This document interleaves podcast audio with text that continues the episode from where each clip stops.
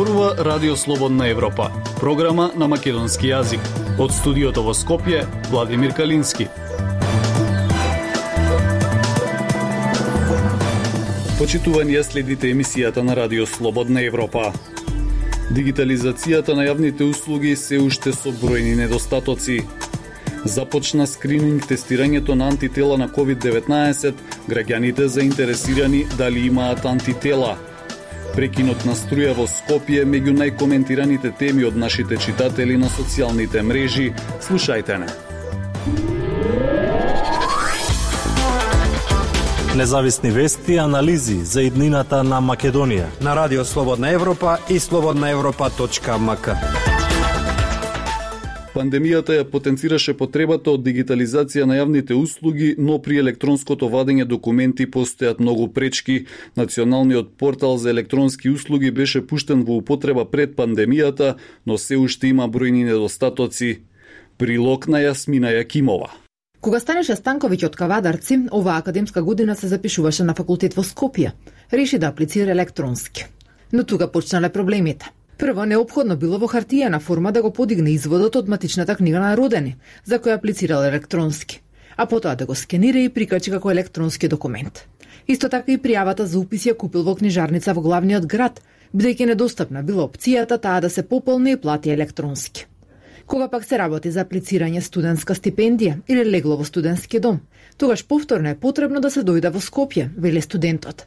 Се најчесто се пријавуваат електронски, но повторно студентите или учениците ги носат документите до Министерството за образование и наука, од често причини заради тоа што некогаш електронската апликација не стигнува до Министерството. Станкови, како и многу други македонски граѓани, смета дека е необходна дигитализацијата, за да нема потреба од трчање по шалтери и банки. Со таа цел непосредно пред почетокот на пандемијата, во земјава беше пуштен националниот портал за е-услуги. Првичната бројка беше 127 електронски услуги. Две години подоцна, бројката на услуги порасна за 26 а меѓу нив ги нема и оние кои им се најпотребни на македонските граѓани. Според Искра Белчева Ристовска, од Центарот за управување со промени, во однос на дигитализацијата сме во чекор со случувањата во регионот – но изминатава година каска во место на предокот на порталот за е-услуги. Дополнително забележува и правните ентитети меѓусебно не си ги признаваат е-документите што тоа значи во пракса. Кога одите во банка, не би требало да ви бараат хартија извод од а, а, книгата на родени или венчани. А тие ви велат не може ваков електронски, бидејќи не го препознаваат документот. Или, на пример, кога одите во државните органи да поднесете нешто за лиценца, барање или како било, тие ви бараат на уплатница наместо електронска уплата која сами ќе ја проверат. Пандемијата дополнително ја покажа потребата од дигитализација на услугите. Додека голем дел од приватниот сектор се адаптираше на промените, во јавниот нештата одат побавно. Или како што појаснува комуникологот Бојан Кордалов, Од една страна имаме скратено работно време на администрацијата поради пандемијата и скратен прием на странки, а во исто време споро оди процесот на дигитализација. Тоа, вели Кордалов, создава нетрпеливост или разочарување кај дел од граѓаните.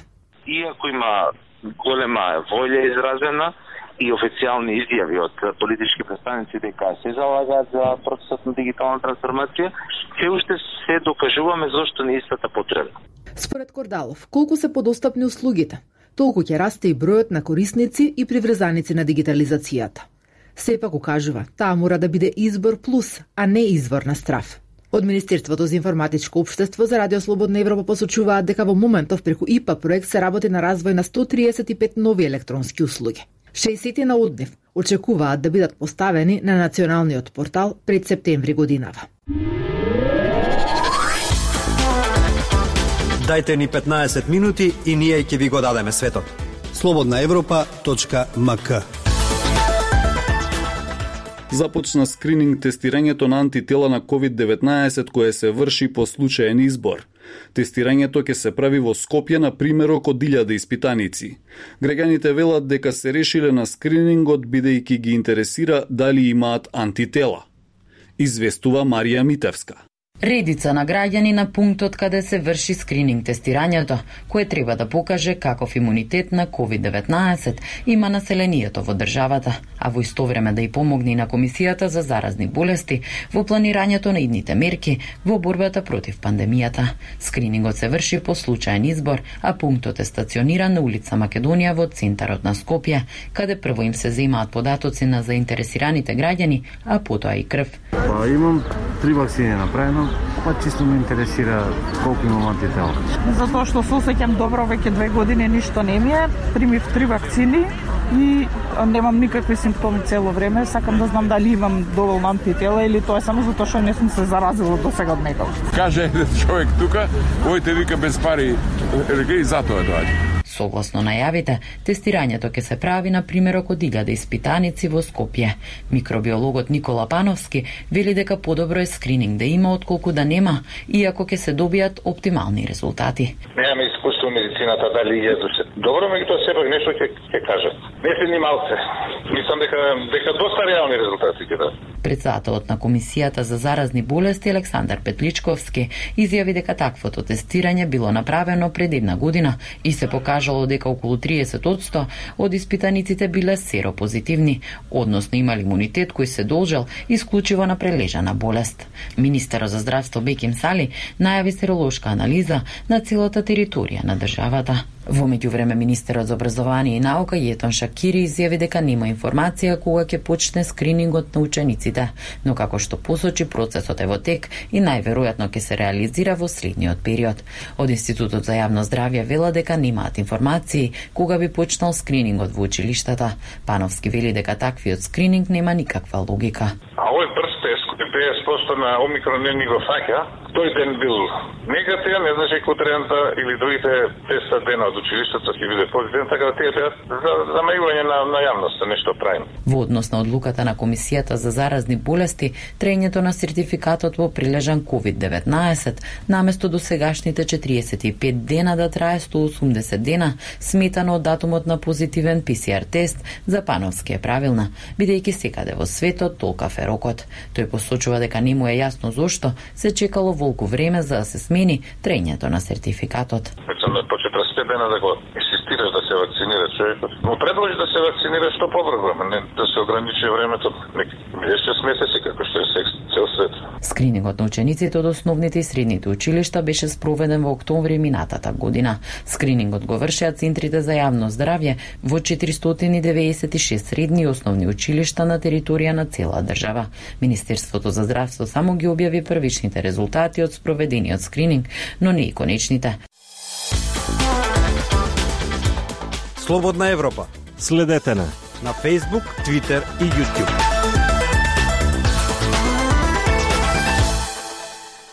Барањето на обвинителката Лиле Стефанова за поблаги казни за Мартин Протогер, Милејана Киески и Гордана Јанкуловска, која признаа вината во случајот Титаник, е меѓу најкоментираните теми на нашите читатели на социјалните мрежи. Граѓаните коментираат и за тоа што немаше струја во голем дел на Скопје.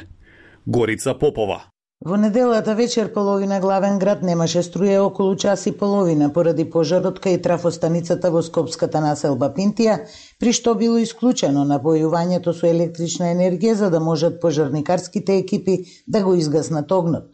Но по сообштението на МЕПСО дека струјата во Скопје се вратила откако пожарот бил изгаснат, Коментарот на Зоран Јаневски како да покажува дека граѓаните веќе не веруваат никому. Лажат овде се уште нема струја од 17:20 часот напишал, ама не кажал во кој дел на Скопје живее. Побарањето на обвинителката Лиле Стефанова поблаги казни за Мартин Протогер Милејана Киески и Гордана Јанкуловска, кои ја признаа вината во случајот Титаник – Инако осомничени за злосторничко здружување и цел куп тешки махинации и злоупотреби за време на избори, реакциите на Facebook страницата на нашево радио се од револтирани по револтирани. Договор куќа гради не излегла таа поговорка залудно, коментира Зоки Бошков. За Вангела Постоловски обвинителката Стефанова е брука, како што напишал, а Сузана Ташева коментира вагата на правдата. Ова да не е пазарджиска вага, Бобан Цветковски и Драган Лазаров развиле дебата. Цветковски со коментар ги местеле изборите и противправно биле на власт. Излажале 2 милиони луѓе, максимални казни за на други да не им текне. Но Лазаров го прашува, а кој ги намести последниве избори? Цветковски му одговара, не се наместени, народот проценил да си гласа за ВМРО, да беа местени како на времето ке победеа кандидати на СДСМ. Сабри Рамадани со подсетување, нели беа сечени, лепени, монтирани, како тоа сега да си признаваат вина. Блажо Хогар страшниот иронизира, абе пуштете ги така без казна, ни условна, ни ништо, и дајте им оштета од 10.000 евра.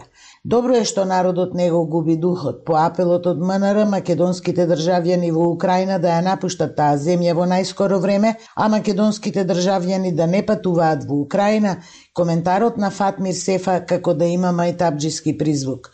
Ние во Скопје не можеме да патуваме, па остана да оиме во Украина.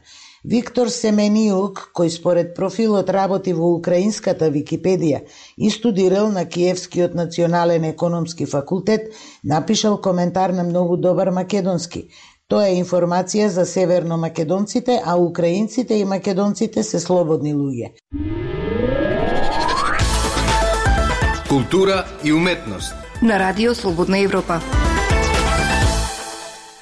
30 на уметници од земјава и од странство се учесници на традиционалната мултимедијална групна изложба посветена на вечното танго на љубовта и славниот аргентински композитор Астор Пјацола, што од 12 февруари се одржува во големиот салон на галерија Кора во Скопје. Љупчо Јолевски Пол Ванг и Рон Майерс од Соединетите Американски држави, магистер Моника Рандол Трол од Германија, Петра Јовановска од Чешка, Анели Ди Франсис од Финска, Северине Бургерс од Белгија, Дубравко Наумов од Канада, Ана Мозговај од Украина, Виктор Бранџолица од Република Хрватска, како и нашите Марија Светиева, Билјана Билбиловска, Наталија Пулејкова, Маја Танева, Валентина Илиевска, Шчипе Мехмети, Риджет Ферати, Игор Поптрајков, Ацо Таневски, Светлана Пецакова, Ангелца Стојковиќ, Јубе Алексовски, Стефан Димовски, Анита Огњановска, Славица Таневска, Маја Николовска, Ленче Коцевска, Андријана Андреевска и Радевска се само некои од уметниците чии дела чина традиционалната мултимедијална групна изложба посветена на вечното танго на љубовта и славниот аргентински композитор Астор Пјацола, што од 12 февруари се одржува во големиот салон на галерија Кора во Скопје. Поставката која вообичаено ги слави виното, љубовта и убавот. Во оваа пригода воедно ќе учествува одбележување одбрањањето на големиот јубилеј, 100 годишнината од раѓањето на Астор Пјацола, славниот композитор од златниот период на аргентинското танго, кој и натаму без двојба продолжува да го восхитува и издржува светот, обединувајќи ги генерациите и уметностите во речиси сите сфери на творештвото. Куратор на изложбата е Виолета Калич, историчарка на уметноста, стручен соработник за визуелни уметности, дизајн и архитектура во Домот на култура Кочорацим Скопје. Во тематската рамка за вечното танго провејува чудесни чудесната магија на љубовта, на лирското и страственото. Тоа е точка во која човек започнува да се сака себе си во другиот и другиот да го сака во себе. Оваа тематика кај уметниците раздвижува река од бои и форми и секој го доживува на свој начин. Јас сум повеќе фокусирана пак на движењето на фигурите и енергијата која ја прави вечната љубов и тангото. Вели Марија Светиева. Таа дополнува дека годинава на изложбата учествувала со две графики во комбинирана и експериментална графика, насловени како на подиумот за танцување и сонуваме заедно и танцуваме заедно. Незината колешка Шчипе Мехмети истакнува дека во време во кое живееме во екот на светската пандемија, сите имаме потреба барем на кратко да избегаме од реалноста. Понекогаш барем за кратко да избегаме од реалноста. Дали преку ликовната уметност, дали преку музиката, добра книга, танц или театар. Затоа многу го почитувам трудот на кураторката Виолета Кали која секоја година традиционално го организира овој настан, изложба, перформанс, значи со наслов Вечното танго, во Домот на култура Кочорацин, каде што токму се спојуваат музиката, ликовната уметност, танцот, кај што се сеќавам има многу добра енергија. Убаво е што во овој настан се слави љубовта. Љубовта према себе, љубовта према другите, љубовта према природата и уметноста. Ке рече Мехмети. Почитувани слушатели, тоа е се што ви подготвивме во оваа емисија. Од студиото во Скопје ве поздравуваат Владимир Калински и Дејан Балаловски.